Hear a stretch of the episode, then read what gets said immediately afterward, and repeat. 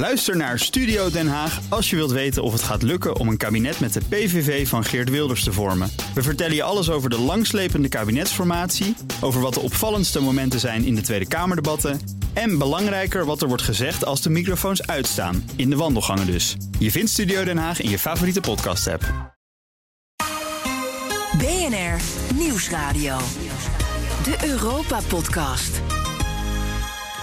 Goedenavond. Jongeren komen massaal vanuit andere landen naar Nederland om te studeren. Een prachtig resultaat van de Europese droom. Of, zoals de universiteiten van Nederland zeggen, een gevaar voor de kwaliteit van ons onderwijs. Welkom bij BNR Europa, het programma over Europese zaken met blikken naar Brussel en ver daarbuiten. Mijn naam is Stefan de Vries en naast mij staat collega Eurocommissaris Geert-Jan Haan. En we gaan het vandaag dus hebben over internationalisering van het hoger onderwijs. En we doen dat met Pieter Duisenberg, voorzitter van de koepelorganisatie Universiteiten van Nederland. Met Olga Wessels van het Europees Consortium van Innovatieve Universiteiten. En Lara Wolters, Europarlementariër in de SD-fractie namens de PvdA. En zij zit daar in de commissie Cultuur en Onderwijs. Ja, volle klas dus vandaag. Dus misschien leuk om onze gasten alvast even voor te stellen. En te weten in welke landen zij gestudeerd hebben. En misschien kan iedereen dan ook kort benoemen wat er zo mooi was aan die buitenland ervaring. Wil jij aftrappen, Geert-Jan? Waar, waar heb jij uh, je academische credentials op gedaan? De buitenlandervaring was aan de Staatsuniversiteit van Sint-Petersburg. Daar kreeg ik ook een beurs voor. Heeft Poetin daar ook niet gestudeerd? Dat heb ik niet gehoord. Oh, nee, die zat uh, toen de tijd waarschijnlijk in Dresden. Er was een regeling ook met de Universiteit van Amsterdam en de Universiteit uh, Warszawski, voorheen de Keizerlijke Universiteit van Warschau. En waardevol uh, ja, is het als journalist altijd om buitenlandervaring te hebben. Zeker. En ik heb mijn beste vrienden daar ook aan overgehouden, aan die buitenlandtrips.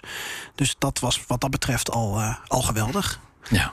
Misschien even onze gasten polsen. Uh, meneer Duisenberg van de uh, universiteiten. Uh, goedenavond, fijn dat u er bent. Goedenavond. Heeft u in uw studietijd buiten Nederland onderwijs gevolgd? Nou, ik heb stage gedaan in, in het uh, buitenland, in Amerika, in Washington. En dat was een geweldige ervaring. En u heeft geloof ik in uw paspoort ook een, een, een niet-Nederlandse stad staan, hè, als geboortestad. Ja, klopt. Dat was, dat was ook Washington. En dat was voor het eerst weer sinds ik was. Uh, dat was voor het eerst weer sinds mijn uh, babytijd dat ik daar weer terugkwam. Dus dat was een extra, extra dimensie. Maar ik heb daar bijna een half jaar heb ik daar gezeten en voor een van de internationale instellingen daar gewerkt. Ja. Olga Wessels, u zit hier namens een internationaal netwerk aan universiteiten. Dan heeft u vast vroeger zelf ook wel eens over de grens gekeken, neem ik aan. Ja, klopt. Ik heb uh, in New York gestudeerd, uh, dus ook in Amerika. Uh, aan de universiteit waar ook Trump gestudeerd heeft, Fordham Law School. Ik weet niet of ik daar nou trots op moet zijn, maar ik dacht omdat jullie het over Poetin hadden, noem ik dit eventjes. Nou, heeft hij echt gestudeerd? Is dat geen fake news? Ja, dat weet ik inderdaad misschien niet zeker. Wat ik er wel heel, uh, wat ik er heel erg vanuit mee heb gekregen, dat ik daar echt zag hoe Amerika zichzelf in het centrum van de wereld ziet. En dat was voor mij als Nederlands naïef studentje um, nou ja, een leerzame les. Ja. Wauw, on onze uh, redacteur die uh, deze uitzending heeft voorbereid, Marjolein, heeft aan dezelfde universiteit als Melania Trump gezeten. Dus het, is toch een vrij Trumpiaanse uitzending ineens geworden, terwijl we toch een Europees programma maken. Maar goed, dit kan allemaal gebeuren. Lara Wolters, goedenavond. Iets van een Europa College, als ik uw LinkedIn goed uit mijn hoofd heb geleerd? ja, nee, fijn, fijn uh, dat je dat hebt gedaan. um, voor, voor, minder, voor minder kom ik, niet, uh, kom ik niet op de radio. Nee, ik heb in, uh, in Londen gestudeerd en in Straatsburg en in Brugge. En dat had allemaal met Europa te maken, inderdaad. Um, in, in Straatsburg heb ik aan het, het Instituut d'études politiques européennes gezeten. En in Brugge aan het Europa College. ja, ik was al vroeg met, met Europa bezig. Ja, en, en behalve de intellectualiteit nog iets aan overgehouden qua vrienden, uh, relaties, ervaringen. De, uh, ja, eerste serieuze relatie was in, uh, in Straatsburg. Dus, uh, dus steeds als ik daar heen ga, ook voor het Europees Parlement nu, dan heb ik daar ook persoonlijk hele leuke herinneringen aan. En veel, ja, veel vrienden aan, aan overgehouden. dus nee, was, was een mooie tijd. Okay, ja. Ik heb twee keer ook Amerikaanse ervaringen gehoord bij mevrouw Wessels en bij meneer Duisenberg. Ikzelf dus vol Europees en mevrouw Wolters vol Europees. Nou, Stefan.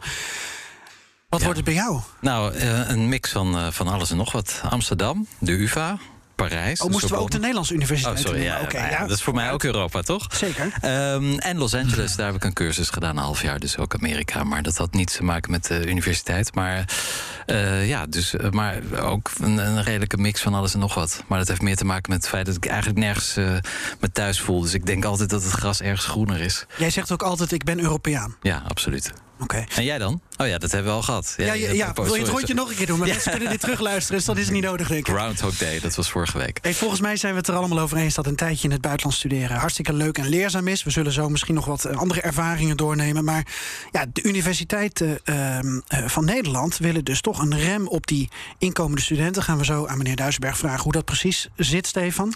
Ja, en ter afsluiting van deze uitzending verzorg ik eh, ook de muzikale ontspanning natuurlijk weer. En je gaat dan een langere versie horen van dit nummer. Ja, ingen annan än varandra än idag. Länge leve vi. Länge leve fucking. Volgens mij heeft niemand aan een universiteit van dit land gestudeerd, die ik net hoorde. Is dit het land waar ze vanaf vandaag de coronamaatregelen afschaffen? Absoluut. Eh, het land van ABBA en Ikea en Slatan Ibrahimovic. Maar dat meer. En nu eerst, eh, dat meer zo, zo dadelijk. Nu eerst ons nieuwsoverzicht. Eurocommissarissen Haan en de Vries houden de Brusselse zaken scherp in de gaten. Tijd voor de Europese week, Stefan. Je bent helemaal van je apropos. Ik weet niet hoe ik dat in het Zweeds zeg. ik ben helemaal van mijn Acropolis, inderdaad. Nou, kom Zeg, met dat ehm, nieuws. even kort. eh, Polen wordt gekort op subsidies die het van de Europese Unie ontvangt. De Europese Commissie houdt een achterstallige boete in... voor het openhouden van een omstreden bruinkoolmijn... bij eh, Polen en Tsjechië daar in dat grensgebied. Het is voor het eerst dat Brussel tot zo'n maatregel overgaat. En Polen vertikt de dwangsom van een half miljoen euro per dag te betalen. ehm, die inmiddels is opgelopen tot tientallen miljoenen euro's. Eh, daarom zei de Commissie, we gaan dit doen. Polen vecht die stap dan vervolgens weer aan. Ja, heeft dat kans, dat aanvechten? Nou, daar weten we volgende week waarschijnlijk meer van. Want dan komt het Hof van Luxemburg met een eigenlijk veel baanbrekendere uitspraak. Namelijk, eh, wat gaat er überhaupt gebeuren met die koppeling tussen rechtsstaat en eh, EU-subsidies? Eh, die zaak is trouwens aangespannen, als ik dat goed heb, door Polen en Hongarije. Het is heel ingewikkeld. Er zijn ongelooflijk veel rechtszaken op dit dossier gaande. Vanuit het parlement één, vanuit de commissie één, vanuit Polen en Hongarije. Dus daar komen we volgende week wat uitgebreider op terug. Want anders zien we door de rechtszaken de bruinkoolmijn niet meer. Ja, goede inkomstenbron voor advocaten, die Europese Unie. In ieder geval, de Europese Unie wil met het toestaan van staatssteun... Commissie. Voor de commissie, pardon. Ach, Nou ja, breng mij niet steeds van mijn Pardon. apropos. Ehm, de Europese Commissie dus wil met het toestaan van staatssteun... voor bepaalde nieuwe supermoderne chipfabrieken... de halfgeleiderindustrie in de Europese Unie aanjagen. We moeten onze eigen chips eh, gaan maken... en dat staat in de zogeheten Chips Act. Ja, dat was denk ik toch wel het andere belangrijke nieuwsbericht vanuit Zeker, Brussel ja. deze week. Het zat wel een beetje aan te komen. En, en en nou, eh, gaat dit het tekort aan chips oplossen? Nou, dat is de wens natuurlijk. Er komt 43 miljard euro vrij voor de chipsindustrie. En een groot deel daarvan was al toegezegd. Eh, een deel daarvan komt er nu bovenop. De EU moet dus op korte termijn minder afhankelijk worden van Azië en de VS. En er is zelfs de ambitie om van Europa de leider op de wereldmarkt te maken. En om te voorkomen dat lidstaten chips exporteren naar landen buiten de EU als er een tekort is in het landenblok zelf, wil de commissie dat kunnen verbieden. Dus een soort protectionisme eigenlijk. Maar in eerste instantie worden we halfgeleider. En daarna worden we de leider, toch? het duurt even, denk ik, zoiets. Ja, precies. Ja, eh, Neem nog wat chips, zou ik ik, ik wilde afronden met ehm, in dit korte nieuwsoverzicht met eh, eh, smart tourism. Slim toerisme. Want er zijn twee Europese steden. Die worden dan voor één jaar hoofdstad van Europa op het gebied van slim toerisme. Net zoals wij een paar weken geleden aandacht hadden voor Leiden als hoofdstad van de wetenschap. Ja. En dat zijn Bordeaux en Valencia. En het idee hiervan, eh, dit initiatief vanuit eh, de commissie, is dat ehm, dit soort steden dus investeren in groener worden, digitale worden, eh, crowd control. ehm, en, en de stad dus zo aantrekkelijk mogelijk maken, maar ook leefbaar voor de mensen die er al zitten. Dus eigenlijk dingen die we ook in de coronapandemie met elkaar eigenlijk hebben besproken, die we ook terugzien in die corona-herstelfondsplannen.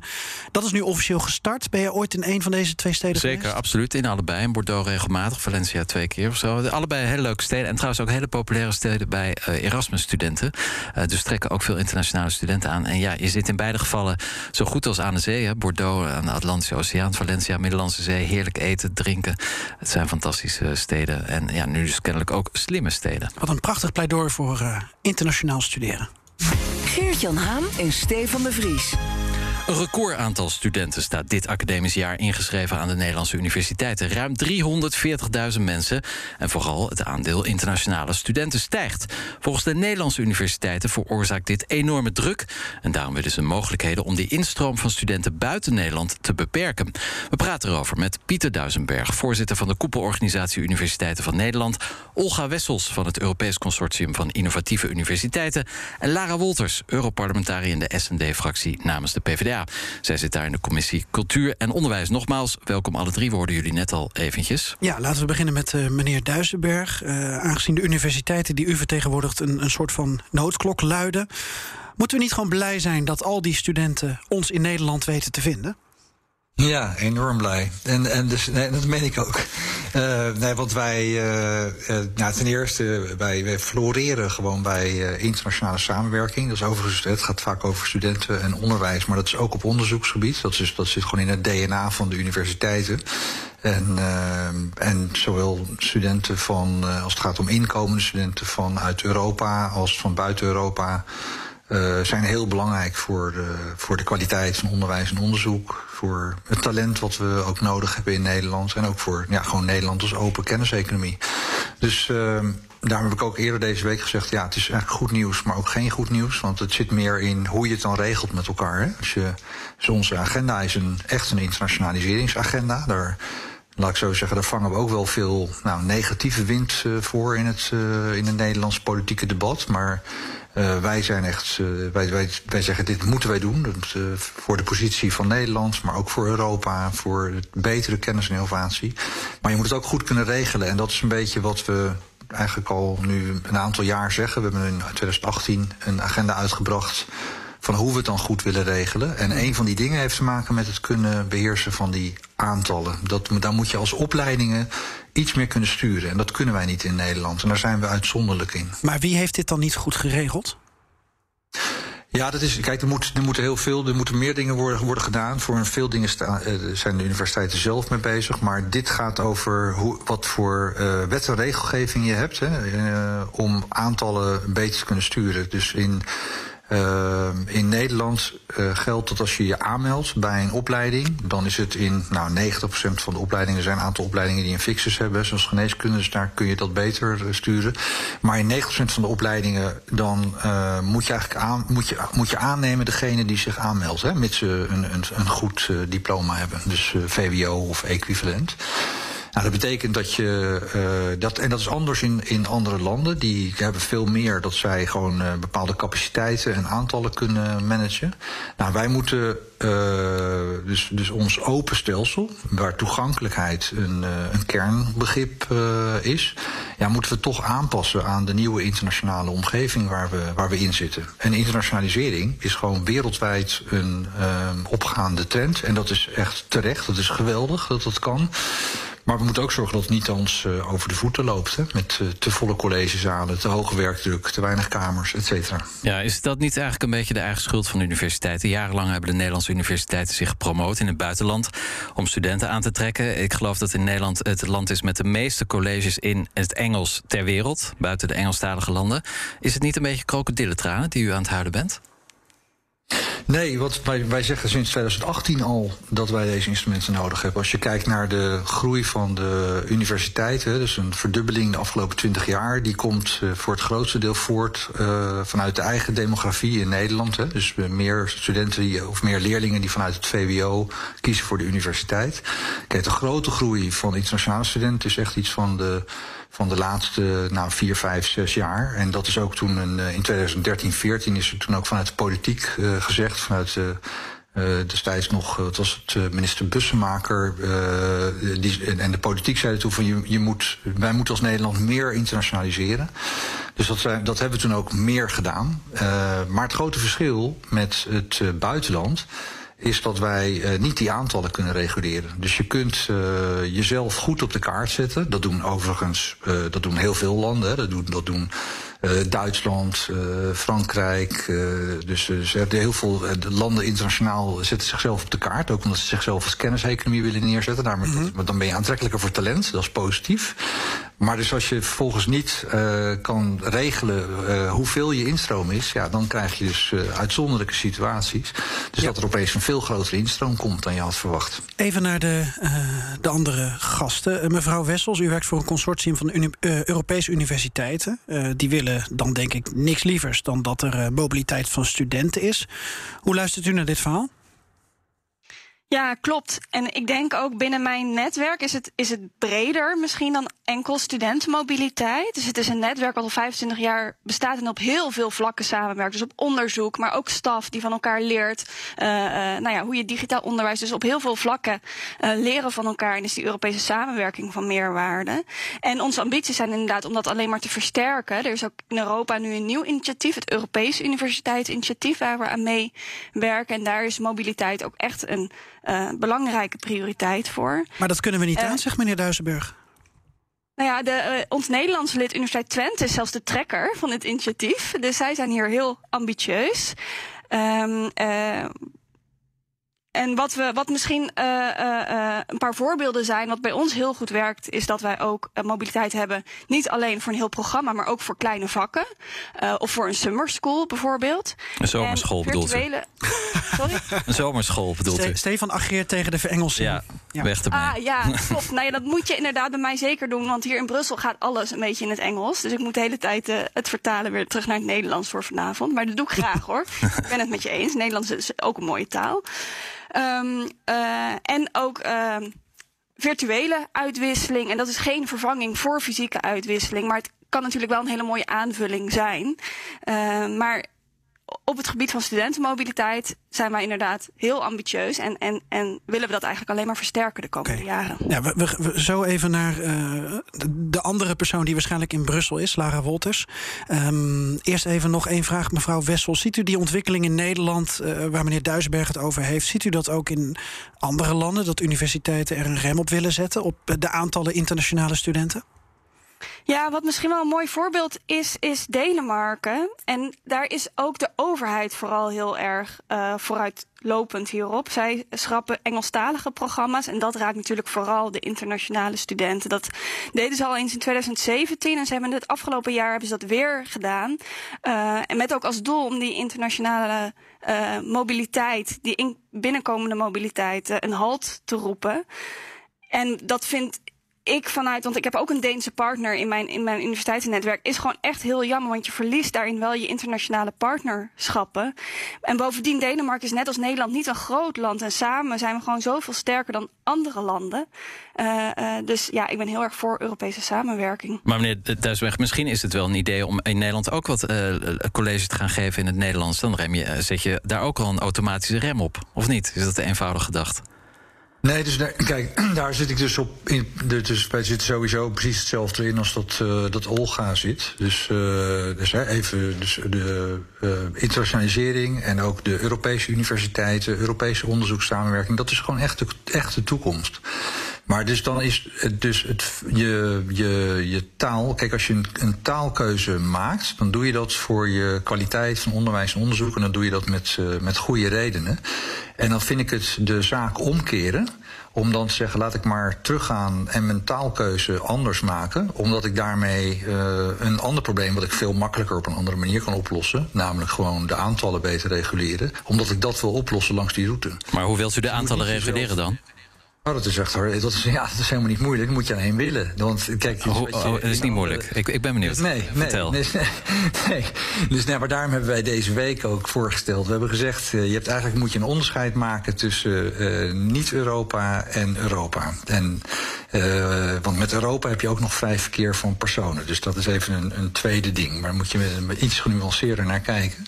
Maar als je kijkt naar niet-Europa, en overigens moet je zorgen dat alleen op plekken waar het echt knelt hè, dat opleidingen de mogelijkheid hebben om, uh, om zoiets te kunnen doen. Maar wat Eh, precies? Te selecteren op wat nationaliteit? En wat, en, wat kun je, en wat kun je dan doen? Ja. Je, kunt, eh, voor, je kunt verschillende dingen doen. Je kunt op, eh, op niet eh EER, dus niet Europa. eh, daar kun je een, eh, een, een maximum op zetten qua aantallen. Dus een quotum opzetten. Dat doen heel veel landen doen dat op dit moment al, ook binnen Europa. Maar die leveren juist het Dat- meeste geld op, toch? Maar daar gaat het helemaal niet om. Gaat het niet om geld? Nee, Oh. nee, het gaat niet om geld. Het gaat toch altijd om geld? het gaat- Zeker in Nederland, of niet? Het gaat, het, gaat om, het gaat om de kwaliteit van onderwijs en onderzoek. En die komt onder druk als, als je de aantallen weer te groot worden. Want je wil, als je internationaliseert, dan wil je wel dat het, ja, dat, dat, dat het dus bijdraagt aan die kwaliteit. Dus dan wil je dat je een goede ja, eh, samenstelling hebt in die collegezaal. Dat je niet te veel eh, studenten weer hebt voor het aantal docenten wat je hebt. Dat, dat er genoeg ruimte is, et cetera. Dus je wil die aantallen wil je een beetje kunnen beheersen. Je wil dat iedereen goed Engels spreekt. Dat de, de vooropleiding dat die ongeveer erg gelijk zijn. Of, of minimaal goed genoeg voor wat nodig is. Ja. Dat soort dingen moet je allemaal gaan regelen als je het, als je het goed, als je goed wil internationaliseren. Ja. Dus je moet veel meer doen dan aantallen. En- maar en- dus wat je kunt doen, je kunt, ik even, je, mag, je kan die niet ER, kan je bijvoorbeeld reguleren. Wat je ook kan doen, dat hebben we ook voorgesteld, is van nou zorg nou dat als je een aantal opleidingen kunnen zowel een Nederlandstalige variant als een Engelstalige variant aanbieden. En ehm, zet dan een, maar geef dan de mogelijkheid om een fixus op die Engelstalige variant te kunnen zetten. En dan kun je de Nederlandstalige variant kun je helemaal openlaten, zodat je daar de volledige toegankelijkheid weer kan borgen voor, eh, voor alle Nederlandse studenten. Dus dat is ook een mogelijkheid wat je kan Ja. doen. Helder, meneer Duisenberg, ik wil heel even naar mevrouw Wolters. Eh, u heeft eh, even mee kunnen luisteren. Ehm, ja, wat gaat u eraan doen als EU? Waaraan? Aan, aan de krokodillentranen van de Nederlandse universiteit. Wat, wat, wat, wat, wat is het, wat is uw eerste gedachte als u dit hoort? Ik weet niet waar u eigenlijk hierin staat. Ja, Ehm, ja een, een boel gedachten. eh, als, als je eh, het over Europa hebt. Kijk, eh, het vrij verkeer in Europa. Dus kunnen, kunnen wonen waar je wil, kunnen studeren waar je wil en werken waar je wil. Dat is natuurlijk een, een groot goed. Ehm, en ik denk dat we daar eh, met z'n allen blij mee zijn. Ik denk dat eh, dat iets is ehm, nou, waar we, ehm, waar we veel, veel baat bij hebben. eh, en, en, en iets, ja, iets waar we, waar we cultureel en, en maatschappelijk ehm, door ja, di- dichter bij elkaar doorkomen hè, in Europa. Dus ik denk dat het mooi is dat je met elkaar uitwisselt. En, en dat je studenten hebt die, die Maar- over en weer in verschillende landen studeren. Maar er is een Alleen- probleem. Ja, Precies. Ehm, alleen ik denk dat in, in Nederland ehm, dat we eh, in zekere zin eh, nou ja, een beetje dreigen aan ons eigen succes ten onder te gaan. En het is hartstikke mooi dat we een open stelsel hebben, denk ik. Ehm, als je kijkt naar andere landen en met name dan bijvoorbeeld naar het VK, naar de VS. ja, daar heb je een soort rat race die begint als je eh, drie bent. En dan moet je Mandarijn leren. En dan moet je zorgen dat je de juiste naschoolse activiteiten doet. Omdat je anders op je achttiende niet in een goede universiteit zou komen. En als dat niet lukt, nou, hè, dan, eh, dan gaat het allemaal helemaal de verkeerde kant op. Zo'n zo'n soort rat race, ja, die, die eh, ratten, rattenrace in Nederlands misschien. Maar die, die, moeten we, eh, die moeten we denk ik tegengaan. En het is dus denk ik goed, of hè, uit principe goed, dat we in Nederland zo'n open stelsel hebben waar je gewoon je kan aanmelden en in principe wordt toegelaten. En niet alleen maar als je een 9 hebt of als je nog nou ja, tien, tien kantjes op je, op je cv hebt. Nou. Alleen als dat nu betekent inderdaad dat je daardoor eh, heel veel studenten hebt waardoor je die kwaliteit niet kan garanderen, dan denk ik inderdaad dat je met pragmatische plannen moet komen. En wat ik net voorbij hoorde komen, ja, dat, dat vind ik heel begrijpelijk klinken. BNR Nieuwsradio. De Europa-podcast. Dit is BNR Europa en deze week praten we over Europees onderwijs. En dat doen we met Pieter Duisenberg, Olga Wessels en Lara Wolters. Laten we even eens kijken naar de cijfers. In 2016 waren er 30.000 buitenlandse studenten in Nederland van binnen de EER. Dus dat is de EU met eh, Noorwegen, IJsland en Zwitserland. Liechtenstein. Liechtenstein, niet te Dat is heel veel, hè? Ja, bijna alle inwoners van Liechtenstein. En in 2021, vorig jaar, waren het er al 57.000. Dus het is bijna een verdubbeling in slechts vijf jaar. Ehm, ja, eh, als je kijkt naar eh, alle cijfers, dan eh, met de HBO erbij, dan zijn er 115.000 internationale studenten die voor een volledige studie naar Nederland komen. En omgekeerd, ja, Nederlandse studenten zijn nogal honkvast. Niet zo happig om voor een volledige studie naar het buitenland te gaan. Slechts 2% van de Nederlandse studenten kiest daarvoor. Ehm, maar wat moet ik met al deze cijfers? Want Nou, er is dus gewoon een probleem. er is een Maar probleem, dat hangt toch niet van één student af? Nee, zeker niet. Maar als je kijkt naar de, eh, de grote universiteiten, de Sorbonne, eh, Complutense, Madrid, Humboldt, Berlijn, die hebben allemaal ongeveer ongeveer. Rond de 18 procent ehm, van hun aantal studenten komt uit het buitenland. En aan de UvA is dat 23 procent. Ietsje meer, maar kennelijk al genoeg om de hele boel te laten piepen en kraken.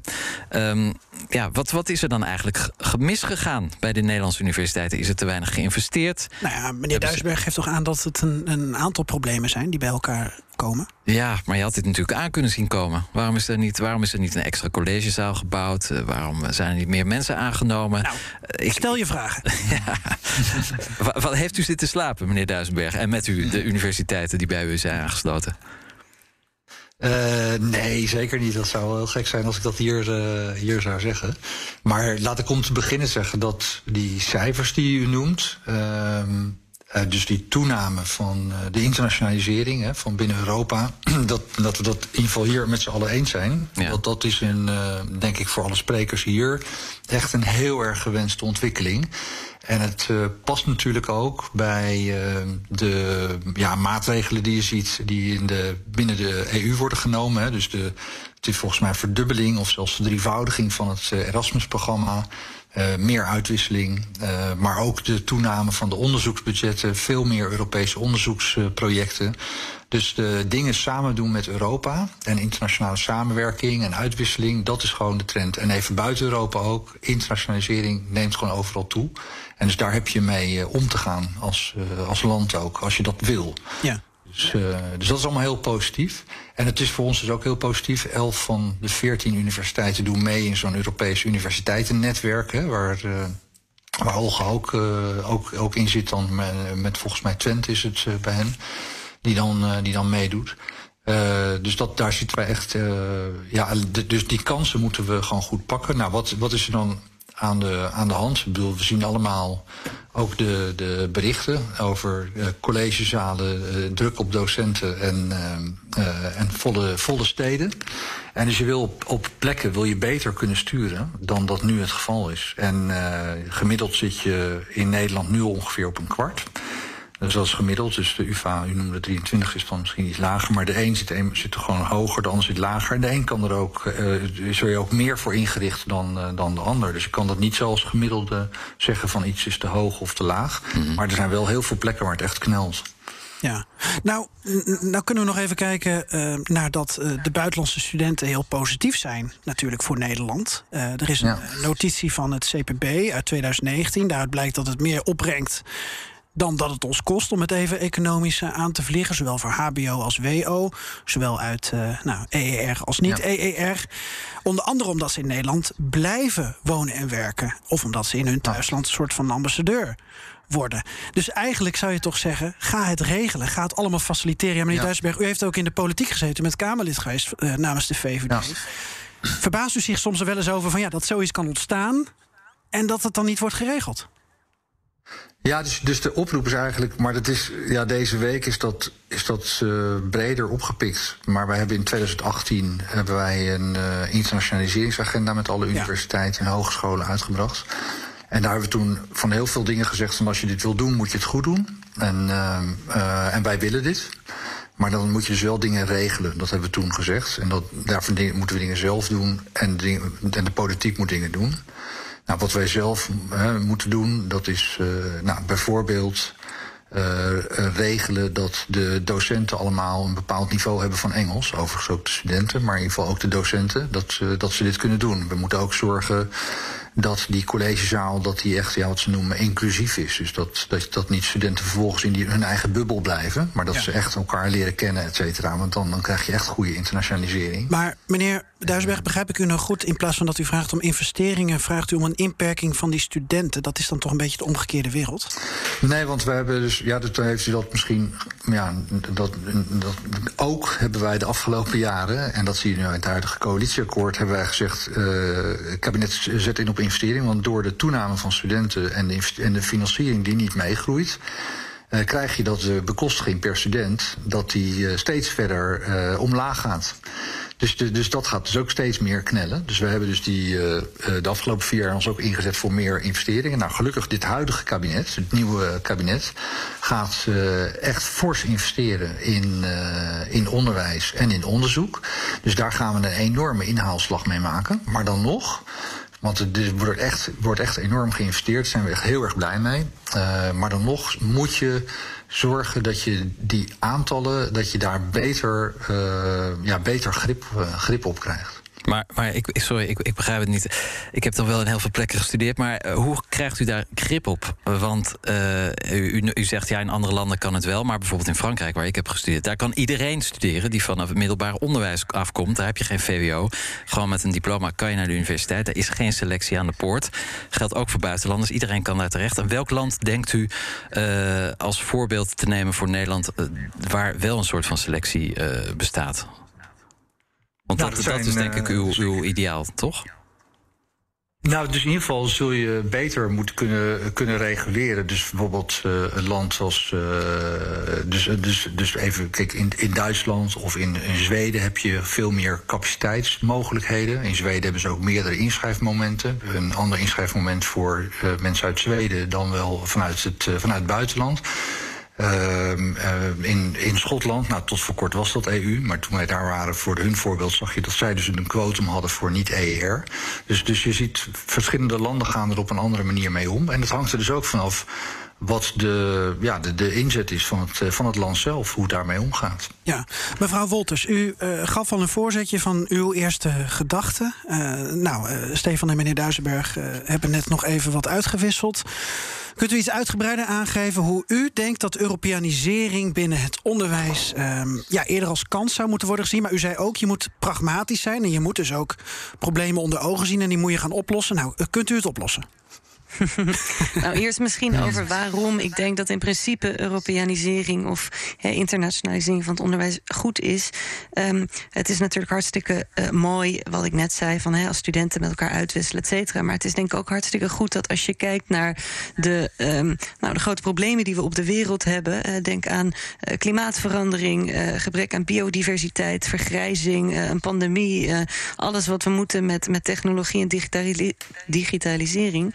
Um, dat zijn allemaal dingen waar je natuurlijk met z'n allen veel beter aan kan werken dan alleen. En ik denk dat, uh, maar meneer Duisenberg mag zeggen als ik, het, als ik het mis heb, maar ik denk dat het goed is voor die dingen. Dat je, um, hè, als je uh, ja, internationaal uh, onderzoekers met elkaar laat samenwerken, als je in één taal met elkaar kan, kan samenwerken, bijvoorbeeld, dat dat allemaal dingen zijn die bijdragen aan beter onderzoek en betere resultaten. Dus um, hè, als je minder silo's hebt of als je niet alleen maar ja, landen hebt die, die individueel uh, onderzoek doen. Maar als je dat op elkaar aansluit en samenwerkt, ja, dan is dat denk ik voor uh, de grote problemen die we hebben heel belangrijk. Um, maar inderdaad, ik zei ook, je moet, je moet pragmatisch zijn. Um, als je, als je ziet dat het op dit moment niet werkt. Ik hoor mezelf trouwens terugpraten. Um, maar als je ziet dat op dit moment dat, dat docenten, hoogleraren, et cetera, dat die uh, aan de, de druk uh, ja, er, er onderdoor aan dreigt te gaan. Of als uh, onderzoekers niet meer aan hun werk toekomen. Of als je zoveel studenten hebt dat, um, ja, dat, dat, dat er gewoon geen, geen sprake meer is van, van het soort onderwijs wat je wil leveren. Dan moet je denk ik nadenken over, over dit soort dingen. Alleen daarbij liggen een paar gevaren op de, op de loer, denk ik. Dus hè, we, we, hebben dat, dat open systeem in Nederland. En net als in Frankrijk denk ik dat dat hartstikke mooi is. Ik denk niet dat we toe willen naar een systeem um, nou ja, waar, waarbij je uh, al zo jong zoveel, uh, zoveel druk voelt. Dus dat is er één. Ik denk ook dat we moeten oppassen dat um, als je gaat naar een systeem waarbij um, nou ja, internationale studenten, zoals nu, hè, meer betalen. Of hè, dat, dat systeem dat, dat is er al. Maar dat je altijd goed moet waken dat je niet het soort Amerikaanse praktijken hebt. waar uh, ja, universiteiten een soort verdienmodel hebben. Um, en uh, in Amerika was er, was er recent een schandaal bijvoorbeeld... Um, waar studenten die een beurs nodig hadden... Um, uh, nou ja, werden geweerd. En dat, dat, mag, dat mag niet in selectieprocedures. Maar er werd gekeken van nou, wie heeft er een grotere... Uh, of wie, wie heeft meer geld, wie heeft minder geld... wie heeft een beurs nodig en wie niet. En dat werd gedaan zodat de, de, de nou ja, Chinese student... Uh, bewijs van hè, die veel meer betaalt... wel kon worden binnengehaald. En de student die een beurs nodig had, niet. Um, en waar dat dan weer aan ligt, is volgens mij dat heel veel van die universiteiten daar um, bijna geen universiteiten meer zijn, maar een soort uh, investeringsmachines. Dus gewoon heel erg veel geld bij elkaar En vervolgens dat beleggen in vastgoed en dat soort dingen. Nou ja, dan, dan zijn we natuurlijk helemaal de weg kwijt. Dus al dit soort keuzes hebben denk ik heel veel um, nou ja, politieke of maatschappelijke consequenties waar je, waar je heel goed over, uh, over moet nadenken. Ja, een van de consequenties, Olga Wessels, zou kunnen zijn dat internationale studenten, en dan heb ik het over studenten van buiten de Europese Unie, niet meer naar Nederland eh, komen, of in ieder geval veel minder. Wat zijn dan de risico's van dit soort maatregelen, van het weren van internationale talenten? Want die gaan dan misschien naar Amerika, naar China, naar andere werelddelen. Elders in Europa kan toch ook? Buiten, ja, elders in Europa inderdaad. Als wij die maatregelen niet hebben. Olga? Ja, klopt. Ja, we hebben het, we hebben het al wel aangestipt in de uitzending zelf. Uh, maar we zijn als Nederland een heel klein land en we hebben, denk ik, vooral de talenten nodig om ons ook verder te helpen. Het nieuws wat jullie samenvatten aan het begin was wel tekenend, vond ik, dat we uh, op het gebied van chips minder afhankelijk moeten worden van Azië en, en zelf moeten investeren in onze chipsindustrie. Nou, dan moeten we al helemaal uh, uh, samenwerken met andere landen in Europa. Uh, en die talenten die we hebben, juist verwelkomen. Want in, in ons eentje gaan we er niet komen. We hebben elkaar daarin nodig. En ik denk ook als je kijkt naar de globaliserende wereld, um, uh, um, is het alleen maar mooi als er ambassadeurs van de BV Nederland uh, elders in de wereld. Of ze nou blijven of niet. Hè? Het is allebei eigenlijk waardevol. Als ze blijven, kunnen ze helpen onze economie op te bouwen. Als ze weggaan, uh, uh, kunnen ze onze ambassadeur zijn. En zijn ze de netwerk van onze studenten, hoger opgeleiden in Nederland. Dus dat is allebei heel waardevol. En zo moeten we er ook een beetje strategisch naar kijken. Het is natuurlijk geen optelsom. maar wel heel waardevol om die internationalisering te behouden. Maar eh, mevrouw Wessels, uh, hoe luistert u dan naar de oproep van de um, universiteiten van Nederland? Want het, het, het is begrijpelijk, ja. maar tegelijkertijd heb ik bij u, als ik u hoor, toch dat ik denk van ja, uh, enige twijfel in, in wat er nu precies wordt opgeroepen. Ja, precies. Ik denk als ik meneer Duisenberg hoor, ziet hij ook het belang van internationalisering. Volgens mij zijn we het daar heel erg met elkaar over eens. Uh, dus dan is de oproep absoluut. van internationalisering moet minder, is denk ik niet hetgeen wat we willen met z'n allen. Nee, maar dan nog barsten de universiteit uit hun voegen. Letterlijk. Dat, dat is toch een probleem dat opgelost moet worden? Ligt dat nou echt aan de nationaliteit van de studenten? Of, of speelt hier anders, uh, iets anders een rol? Is dat weer een vraag aan mij? Nou, aan iedereen die wil antwoorden. Het is wel lekker met de radio. Dat je een vraag stelt aan niemand en niemand kan jou zien. Dus niemand weet voor wie die vraag is. Noem eens een naam, Stefan. Dan zal ik het beantwoorden. Ja, laten wij een, een tweetje van maken. Nee, maar, maar toch, kijk, het, er zijn problemen in de, in de Nederlandse universiteit. Ja, de vraag was wel duidelijk, alleen ja. niet aan wie ja, hem richt. Ja, nou ja, wie, wie wil antwoorden? Kom maar op. Oké, okay, ja, dus ik, ik, ik... zit hier voor een collegezaal met allemaal onwillige studenten. Nou, nou, nou, nou, nou. ik wijs een vrijwilliger aan, meneer Duisenberg. Ja.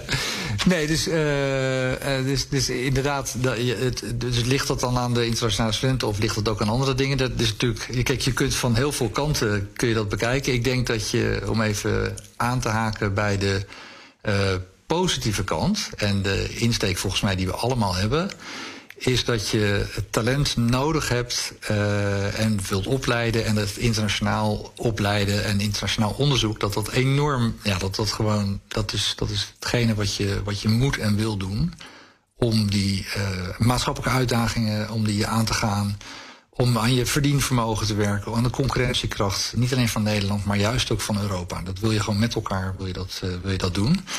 En als je dan, uh, maar je moet kijken dus naar je Nederlandse stelsel, wat een open stelsel is en met een toegankelijkheid wat echt een groot goed is. En die moet dus aan verschillende knoppen moet je, moet je gaan zitten om te gaan kijken hoe je dat oplost, dat uit zijn voegen barsten.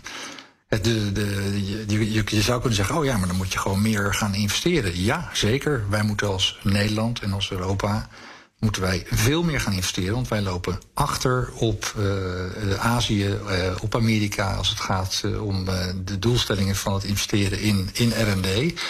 Maar je kunt, ja, ook al investeer je veel meer... dan moet je denk ik beginnen met te denken van... nou, wat is mijn visie op, op talent? En, en wat heb ik dan precies nodig? Ja. Daar begint het mee. Misschien interessant om even een uitzending van ons van een paar weken terug erbij te halen. Ehm, mevrouw Wolters, een paar weken terug zaten wij in de Leidse Schouwburg. Want ja, er was niemand, dus dan was er eindelijk plek voor Stefan en mij. Uh, Leiden, Europese hoofdstad van de wetenschap. En wij uh, spraken daar met een aantal mensen van Nederlandse universiteiten ook. En ehm, ik wil graag even een quote laten horen uit het gesprek van Wim van der Doel, voorzitter van de Universiteitenalliantie Leiden, Delft en Rotterdam. Luister even mee. Nou ja, dat moeten we denk ik toch wel eventjes goed tussen onze oren krijgen. Dat er dus programma's zijn in Europa waar we natuurlijk aan van profiteren. En uh, als je kijkt naar de Horizon Europe, dan is er een kloof tussen Oost-Europa, Oost- en Midden-Europa en West- of Noordwest-Europa. Oh ja. dus, maar er zijn dus landen die zeggen van nou ja, dat geld, als ik daar een euro in stop, dan krijg ik er maar 50 cent van. En dan gaat de rest naar Nederland. Dus hoezo? Ja, mevrouw Wolters, u zit in de, in de commissie Onderwijs en Cultuur. Uh, dat is misschien net een andere dan, dan waar Wim van der Doel het over heeft. Want hij hij heeft het ook over Horizon Europe, wat natuurlijk ook heel erg op wetenschap en onderzoek uh, gestoeld is. Hij heeft het over dat Nederland maar liefst 96 miljard euro heeft gekregen voor onderzoek voor de komende zeven jaar. En dat Nederland anderhalf keer zoveel geld uit die enorme pot haalt dan het eigenlijk erin stopt. Dus wij profiteren enorm van dat wij dus investeren in uh, onderzoek, wetenschap. Um, geldt dat ook voor, voor onderwijs? En zo ja, zouden we dan niet die investeringen ook als pragmatische oplossingen gewoon direct kunnen stoppen in het onderwijs en die oplossing daarmee creëren um, voor alles wat er nodig is om, om internationale studenten in Nederland te houden? um, ja, even kijken bij het begin beginnen. Het, het klopt inderdaad dat uh, Horizon Europe, dat Nederland daar enorm van profiteert. Dat wij het uh, uh, volgens mij als beste doen als, als Europees land of als, als, lidstaat. En het meeste uit dat potje halen. Um, en uh, nou, daar, daar, kunnen we trots op zijn, dat is hartstikke goed. Um, het is wel zo dat um, volgens mij, maar dat zal, zal uh, meneer Duisenberg ook, ook kunnen zeggen, dat je niet um, uh, onderwijs en onderzoek te veel moet verwarren. Als dat geld is bestemd om onderzoek te doen, en hè, we hadden het net al over de, nou ja, de grote problemen waar we als wereld mee te maken hebben en waar we onderzoek voor nodig hebben, denk bijvoorbeeld aan de volgende pandemie, dan denk ik dat jouw suggestie is van, of jouw suggestie van zo net, van nou kunnen we deel van dat geld dan niet gewoon inzetten op onderwijs en dan is het probleem opgelost.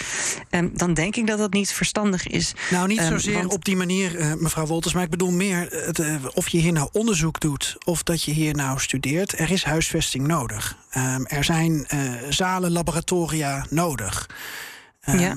Dus, dus dat meer. Het faciliteren van alles dat je met dat, dat Europese geld, omdat we zoveel uit dat, dat programma halen, uh, dat we daarmee gewoon, ja, zeg jij, de condities moeten scheppen om, om uh, ja, studenten, uh, of hè, om internationale studenten bij ons te laten studeren. Nou, ik probeer ook maar mee te denken. Dat, ja, ja, nee. en ik hoorde meneer Duisenberg dit als onderdeel van het probleem zien. Dus, maar, ja, maar ik denk dat um, hoe, hoe ik het zie is, volgens mij wordt er overal in Europa al veel te veel bezuinigd op onderzoek. Dus ik zou er niet voor pleiten van laten we uh, potjes geld die, die daar specifiek voor zijn bedoeld, laten we die breder inzetten. En bijvoorbeeld ook voor, uh, hè, voor studentenkamers of zo. Uh, dat, ik denk dat dat, dat, dat, dat ja, gevaarlijk is. ik denk dat je, dat je, als je als je kijkt naar nou, wat is er nodig voor, voor, voor studenten, dat je met allerlei problemen te maken hebt. Ik bedoel, het woontekort of hè, de, de, problemen waar we Nederland mee te maken hebben als het gaat om, om, om woningen en kamers en zo. Nou, dat is een, een groot politiek probleem en dat moeten we aanpakken. En dat, hè, dat pak je aan op allerlei manieren. En door te zorgen dat een, een, een woning is om in te wonen. En te zorgen dat, dat uh, nou ja, er voldoende studentenwoningen beschikbaar zijn. Um, maar ik zou niet, ik zou niet gaan, gaan, gaan, ja, gaan schuiven zeg maar, met, met dat soort geld. Ik bedoel, dit is een, dat is een, een ander probleem. En ja, zo net uh, de, de, de oplossingen die ik heb gehoord, nogmaals ik denk inderdaad dat je ook pragmatisch moet zijn. En dat je best kan zeggen van een, ja, een Nederlandstalig traject, um, bijvoorbeeld van, van, van een studie, dat, dat stel je gewoon open. Maar je, je, je, uh, je zet er een, um, ja, een, een, numerus fixus op als het gaat om het Engelstalige traject. Of he, je, je, je begint met te kijken van goh, uh, studenten die buiten Europa komen, van buiten Europa komen, of de EER. Ja, daar, daar, daar maken we wat minder plekken voor. Want um, in Europa hè, hebben we naar elkaar hebben we een, een, een nou, solidariteit en een uitwisseling uh, en, en een, uh, een vrij verkeer. Um, maar we kunnen misschien beginnen met, um, met wat, wat minder van de, de echte internationale plekken. Als er zo'n zo'n uh, ja, zo'n zo'n probleem is op dit moment. Ja, wat, wat ook in die uitspraak van Wim van der Doel zat, van de Universiteitenalliantie, was, was het verschil tussen West- en Oost-Europa.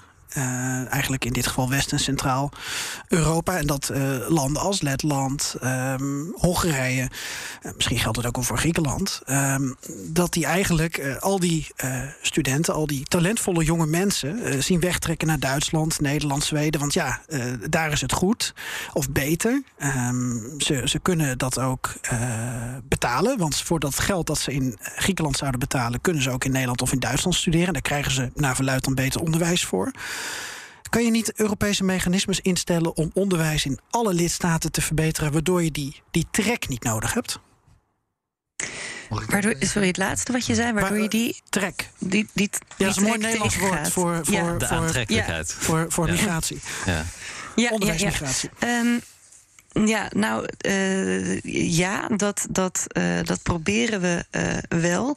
Maar traditioneel is onderwijs natuurlijk iets en, en uh, of is onderwijs iets wat, wat niet uh, ja, Europees belegd is. Dus we hebben met elkaar afgesproken van er zijn uh, bepaalde dingen en daar gaat Europa niet over. onderwijs is er een van, gezondheidszorg bijvoorbeeld, pensioenen ook. Um, en daarvan ja, willen Europese lidstaten niet dat er over hun schouder wordt meegekeken in wezen.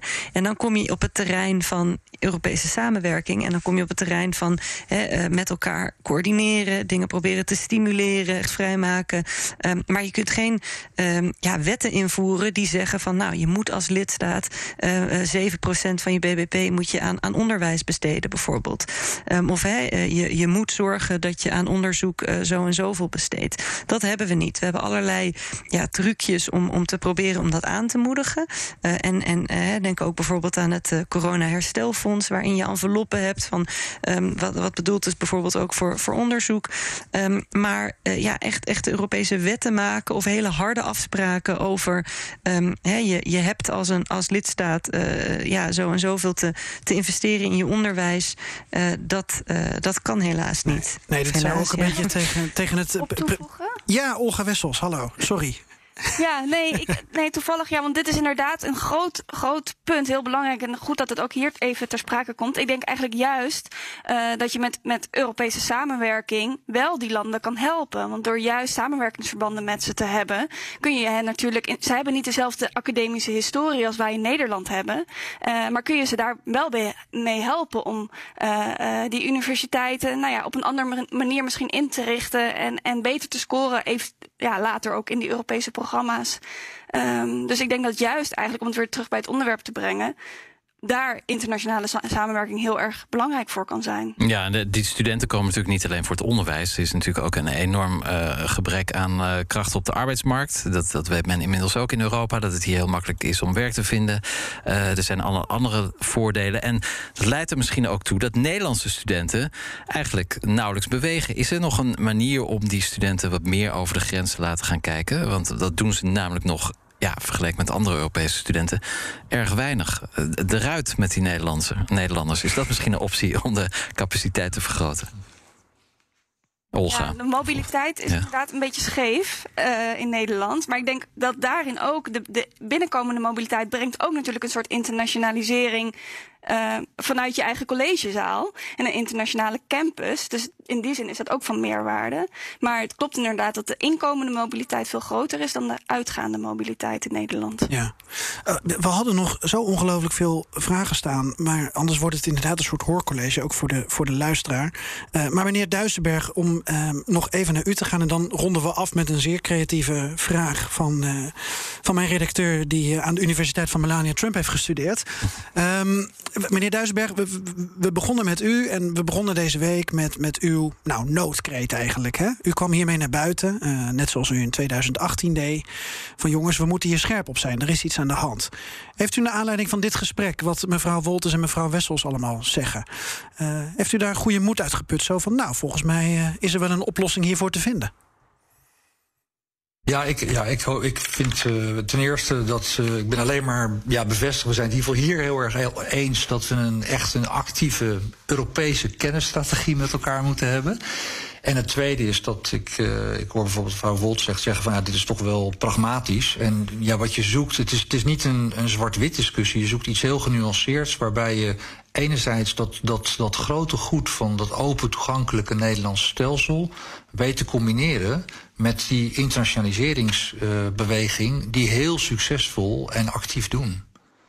Ik, ik moet wel tegen u zeggen, meneer Duisenberg, mijn collega uh, Eurocommissaris De Vries, die keek enorm uit naar dit ja. gesprek.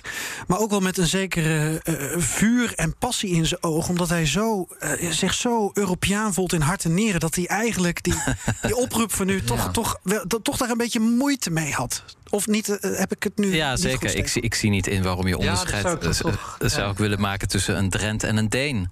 Want er zijn heel veel Drentse studenten die in Amsterdam komen studeren. En er gaat geen enkele Amsterdammer naar Drenthe om te studeren. Al was het alleen maar omdat ze daar volgens mij niet eens een universiteit hebben. Bijvoorbeeld. Maar, maar goed, dus uh, waarom zou u onderscheid maken tussen nationaliteiten? In ieder geval dus binnen Europa. Want als ik het nu goed begrijp, is het toch wat genuanceerder. En geldt eigenlijk de, de gewenste ja, selectie meer voor buiten Europa. Toch? Vat ik het goed samen, meneer Duisenberg? Ja, dat, uh, dat, dat is wat wij hier hebben gevraagd. En, maar als een studie, dus uh, er zijn ook studies die je zowel in het Nederlands kan aanbieden als ja. in het Engels kan aanbieden. Nou, en daar kan je dan dus ook zeggen. Van dan zou je op de Engelse zou je wel een fixus kunnen doen. En dan kan je het Nederlands helemaal, uh, helemaal open houden. En overigens, ik ben overigens persoonlijk net zo'n Europeaan als u. Maar uh, universiteiten moeten balanceren. En dat is ook een nuance die er speelt. Dus je moet balanceren. Universiteiten spelen op, de, op het wereldtoneel. Uh, zijn Europees actief, maar zijn ook in hun regio actief. Ja, en eigenlijk probeer je die functies probeer je met elkaar goed te doen in de capaciteit die je hebt. En dat is de zoektocht die je hier hebt. En dat is ook dus de oproep die ik hier heb gedaan. Mevrouw Wessels, afronden met een quizvraag. Ik weet niet of u een beetje bent van de, van de Br Brusselse pubquizzen. Uh, welk percentage van de studenten die hebben meegedaan aan het Erasmus-programma, dus het, het uitwisselingsprogramma van de EU, hoeveel, hoeveel mensen daarvan hebben uiteindelijk hun partner daardoor ontmoet? Wat hmm. denkt u? Oh, ja. um, ik gok 10 procent. Uh, nou, uh, meneer Duisenberg, wat biedt u? Ja, dat had ik ook op mijn hoofd, maar dan ga ik hoger zitten, dan ga ik wel op 20. Oh, mevrouw Wolters, uh, als, uh, als Europeaan, u heeft uh, ook sinds kort een Europese baby, dus u weet hier alles van natuurlijk, van deze statistieken. en, een, en een partner van de universiteit, universiteit. Ah. Ja, maar ik ga lager zitten. Ik ga op 5% zitten. Volgens mij ben je op de universiteit nog best jong. dus dat mensen nou rond hun, hun 22ste of zo al een, een partner for life ontmoeten, dat ik weet het niet. Hoe of een partner for life, als weet ik het trouwens niet wel, wel een, Gewoon par een, kind, een partner ontmoet. Een baby. Jij weet wat het is. Nou ja, de Europese Commissie gaat er prat op dat er 1 miljoen Erasmus-baby's zijn. En Ja. er zijn ongeveer 12 miljoen Erasmus-studenten geweest sinds het Erasmus-programma bestaat. Dus dan kom je uit op 8,5 procent ongeveer, als ik dat even en- snel uitreken. Nee, en hoeveel hebben hun partner ontmoet? Ja, het partner, dat weet ik niet. Ik weet Ja, alleen de de baby's. Ja. Maar ja, soms in één studentenjaar heb je 10, 12 partners. Tenminste, Oké, het antwoord staat in het draaiboek. Zal ik het dan maar zeggen als jij niet op je scherm kijkt? ja, maar oké, de partner dus. Dus niet de baby's. Dat was de hele tijd de vraag. Daar hebben drie mensen antwoord op gegeven. Maar uit een partner komt een baby vaak. Dus ik, ik nou ja, goed, kom maar door. Met 25 procent. 25 procent, een partner. Zo, hè. Ja, Ja, of dat voor live was, weet ik niet. En ik, ik weet ook niet of daarvoor iemand anders aan Ja, de kant maar- is gezet. Want vaak als je op eh, Maar nee, dat, dat, dat kan ik me niet gaat, dan, voorstellen. eh, Ja, dus dat sneuvelen betekent er ook relaties. slechts één op de vier Erasmus-studenten heeft een, een partner Jongens, ik vind het een onduidelijk verhaal. Ik wil, graag, ik wil graag dat jullie schriftelijk nog even toelichting geven over gaan, die cijfers. We gaan Eurostat eventjes... Zullen we onszelf eh, gaan factchecken? Ja, maar dan... eh, dan ver- ver- Is dit dat- dit is Eurostat. Ja, dat moet wel. kloppen. Ja, de volgende op dicht. Ja. Absoluut. Goed, ga jij ze bedanken? Ik hoop dat we veel geleerd hebben tijdens dit eh, college. Ik dank onze eh, zeer geconcentreerde eh, studenten. Pieter Duisenberg, voorzitter van de koepelorganisatie Universiteit van Nederland. Olga Wessels van het European Consortium of Innovative Universities. In het Engels. Ja, dat staat in mijn draaiboek. Eh, het, het is Europees Consortium van Innovatieve Universiteiten. betekent precies hetzelfde. Dus waarom moet het dan weer in het Engels? En Lara Wolters, Europarlementariër in de SND-fractie namens de PvdA. En zij zit daar in de commissie Cultuur en Onderwijs. De nummer 1 in... En elke week hebben we weer een lekker Europees deuntje. Iets wat in een ander land op nummer 1 staat. Deze week, je zei het al, het land dat alle coronamaatregelen vandaag heeft afgeschaft. Zweden.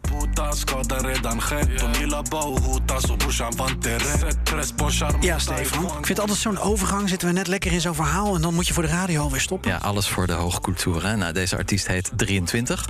En het nummer, dat, dat is ook een nummer. Het nummer Lang Leven Vie. Oftewel Lang Leven Ons. Ik vond het wel toepasselijk. Je vertaalt alles naar het Nederlands, deze uitzending. Absoluut. Absoluut. Oui. Oké, ja. Ehm, geweldig. Al die nummers 1 staan in een speciale lijst op Spotify. Volg ons daar even zoeken op BNR Europa nummer 1. Absoluut. En daar staat ook natuurlijk eh, in op Spotify en alle bekende podcastplatforms onze eh, uitzending BNR Europa. Volgende week zijn we er weer om 7 uur bij BNR. Tot horens. À la prochaine.